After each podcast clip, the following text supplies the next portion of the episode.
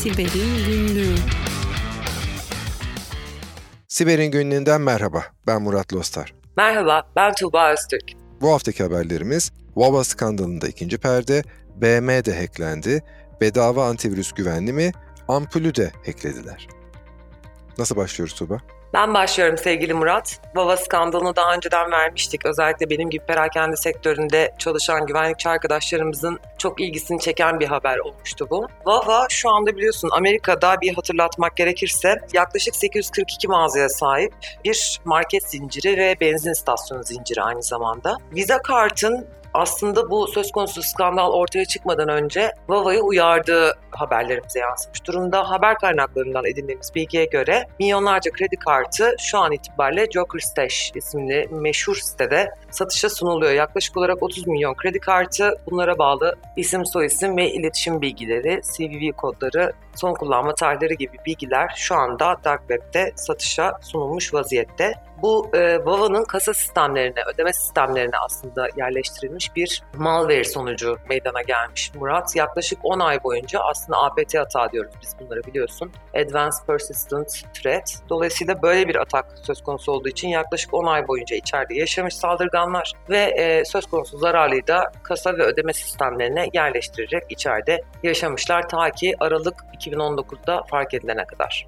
Evet, 2010'dan beri söylediğimiz bir şeyi bir kere daha tekrar edelim Tuğba. 2010'dan önce bütün güvenlikçiler, herkes, hepimiz şunu diyorduk. Saldırganlar, kötü niyetli insanlar oradalar, dışarıdalar ve onları dışarıda tutmak için elimizden geleni yapmamız gerekiyor. Güvenlik duvarından, saldırı tespit önleme sistemlerinden tüm sistemlere kadar aslında dışarının güvensiz, içerinin güvenli olduğu varsayımıyla hareket ettik. Ama artık 10 yıl oldu, 2010'lardan beri diyoruz ki güvenlik bakış açısı, güvenlik paradigması değişti. Artık saldırganların bir şekilde içeriye girdikleri, girebildikleri, hatta belki içeride çalışan oldukları ve zarar vermeye başladıklarını kabul ederek güvenliği almaya başlamamız lazım. Amacımız erken fark etmek, ilerlemeden durdurmak ve hasarı minimize etmek olmalı diyorduk. Vava'da bunun ne yazık ki çok canlı bir örneği olmuş. 10 ay içeride geçirmek çok büyük bir süre. Evet Murat çok haklısın. Zaten şu anda güvenlik trendleri de çözüm üreticiler de biliyorsun aslında saldırganların içeride olduğu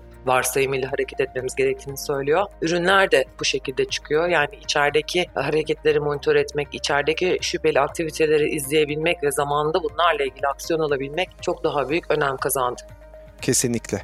Bu haftaki ikinci haberimize geçiyorum zaman kaybetmeden Tuğba. Bu haftaki ikinci haberimiz BM. Birleşmiş Milletler ya da İngilizce kısaltmasıyla UN, United Nations. Ne yazık ki o da hacklenenler ailesine katıldı. Oldukça da büyük bir e, miktarda veriyle. Saldırganlar Temmuz gibi aslında içeri girmeye başlamışlar. Yine Aralık'ta fark edildiğini düşünürsek burada da bir işte 5-6 aydan bahsetmemiz gerekiyor. Microsoft'un SharePoint ürünündeki bir güvenlik açığını ve çok da bilinmeyen herhalde neredeyse Birleşmiş Milletler için geliştirilmiş özel bir kötü niyetli yazılım virüs aracılığıyla devreye giriyorlar ve öncelikle Birleşmiş Milletler'in Cenevre ve Viyana'daki ofislerine öncelikle girip oradan da yine Birleşmiş Milletler'in e, İnsan Hakları Yüksek Komisyonu'ndaki verilere doğru gidiyorlar. Tam olarak ne veri çalındı vesaire gibi bilgiler Birleşmiş Milletler'den yayınlanmamış Tuğba ama şunu biliyoruz büyük bir miktar 400 GB büyüklüğündeki verinin e, download edildiğini, çekildiğini biliyoruz. Bir de şunu biliyoruz, 2016'da Birleşmiş Milletler'e Emişeri Panda isimli bir grubun saldırısı olduğunu biliyoruz. Sen de çok iyi bilirsin Panda, oradaki hayvanlar biliyorsun ülkeleri gösterir. Panda da Çin'i gösteren ülke yani Çin'in hayvanı panda e, saldırı dünyasında. Dolayısıyla da işte bir Çinli grubun buraya saldırdığına ilişkin bir bilgi var ama 400 GB veriyi çalmanın yanı sıra kendi kayıtlarını kendileriyle ilgili izleri de silmeyi çok iyi başardıkları için bu aşamada kimlerin nasıl bir yöntem kullandığını bilse bile kimin bunu saldırıyı yaptı şu anda ne yazık ki bilinmiyor. Belki bu işin arkasından da yeni bir Wikileaks gibi bir skandal çıkabilir Murat. Ben böyle düşünüyorum. Yani orada alınan kararlar, toplantılar, e, iç duyurular, çalışanların kimlik bilgileri falan gibi bir takım bilgilerin sızacağını düşünüyorum. Belki bunun da bir devam haberi olur ileride. Peki sıradaki haberimiz bedava antivirüs güvenli mi?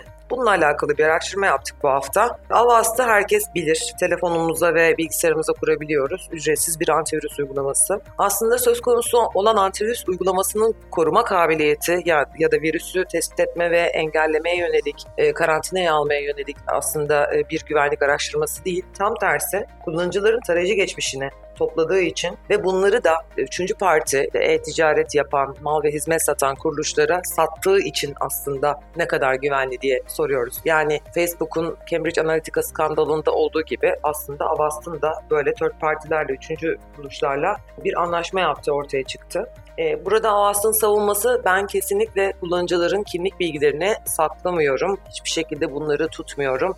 De-identification yapıyorum. Yani kimlikle olan bağını tamamen koparıyorum şeklinde. Fakat biliyorsun ki e, bu internet ortamında çok da mümkün değil. Yani cihazında bir antivirüs varsa ve senin tarayıcı geçmişinden data topluyorsa e, aynı zaman aralığında sen örneğin Amazon'dan bir alışveriş yapıyorsan bu bilgilerin birbiriyle konuşması, örtüşmesi, bir yerlerde zenginleşmesi, başka kullanıcı hareketleriyle birlikte grup olarak zenginleştirilmesi, segmente edilmesi çok da mümkün olmuyor. O yüzden buradan Avast kullanıcılarına bir de duyuru yapmış olalım. Hani dikkatli olsunlar. Kişisel verilerinin bu şekilde üçüncü partilere satılabileceğini de bilsinler. Kesinlikle Tuğba. Yine bir kere daha anlıyoruz ki bir şey ücretsizse aslında ücret biziz. Zaman zaman verimiz, zaman zaman tercihlerimiz, zaman zaman oyumuz. İşte yine burada bir örneğiyle karşı karşıyayız. Her ne olursa olsun ister teknik konu olsun ister bir detay tasarımsal bir şekilde bu verileri toplamak belki de oturup Avast'ın ince ince yazmış olduğu kullanıcı sözleşmesini okuduğumuzda bununla ilgili izleri de görmek mümkün olacaktır diye düşünüyorum.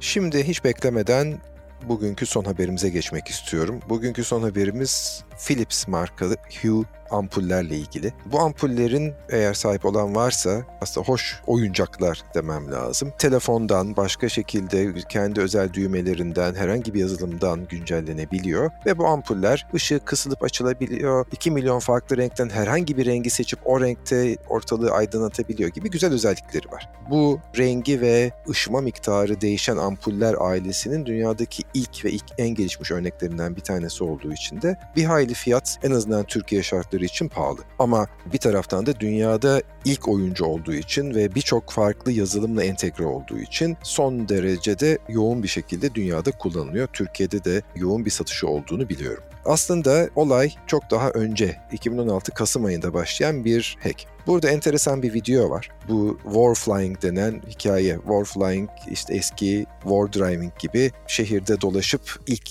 ortaya çıkan durum Tuğba. Açık wireless'ları bulup bunları işaretleyen, bunları not eden insanlar vardı. Buna War Driving diyorduk biliyorsun. Fakat dronların çıkmasıyla Warflying oldu onun adı ve 2016'daki World Flying örneğinde de Philips Hue ampullerin kendi içinde kullandığı Zigbee haberleşmesi metoduna bir drone yaklaşıp uzaktan hacklenebileceğini göstermek. Hem buradaki ışığı ve rengini değiştirmek hem de tersten giderek aslında aynı network'teki diğer cihazları hackleyebilecek bir bağlantı kurabilme becerisinden bahsediyordu. Çok ilginç İsrail kökenli bir saldırı örneğiydi bu. Hatta bunu merak edenler için linkini biz YouTube kanalımızın altına yerleştirelim. Şimdi aradan geçti 3 yıl. 2019 bitti, 2020'nin başına geldik. Ortaya çıktı ki aslında Philips tam olarak bu güvenlik açığını yamamayı başaramamış ya da başarmamış, uğraşmamış, zaman harcamamış her neyse. E, sonuç olarak Checkpoint yazılımındaki arkadaşlar fark etmişler ki oradaki araştırmacılar burada hala bir problem var. Her ne kadar eskisi gibi direkt oradan ulaşamak mümkün olmasa da e, belli bir yere kadar gidip yine belli bir kısmı hack etmek, ışığın e, rengini, düzeyini değiştirmek mümkün. Ama iyi haber şu, Philips'e aslında bu bilgiyi Kasım ayında vermişler. Philips de bununla ilgili güncellemeyi yapmış. Philips Hue ampullerde internete bağlı olduğunda kendilerini otomatik güncelledikleri için aslında bir şey yapmaya gerek yok. Eğer internete bağlıysanız elinizdeki ampuller güncellenmiştir diyebiliriz. Peki ben de çok seviyorum Hue ürününü özellikle. Muadilleri de var biliyorum ama evet hem piyasaya çıkan ilk olmasından ötürü hem de bilmiyorum bana sanki ışıklandırma şekli, aydınlatma şekli biraz daha farklıymış gibi geliyor. Daha kaliteli, daha buğulu, puslu falan gibi geliyor. O yüzden çok hoşuma gidiyor Murat. O zaman Hue'ları güncelleyeceğiz. Yapacak bir şey yok. Peki o zaman bu hafta bu kadar diyelim mi? Diyelim herkese keyifli ve güvenli haftalar. Hoşçakalın. Hoşçakalın.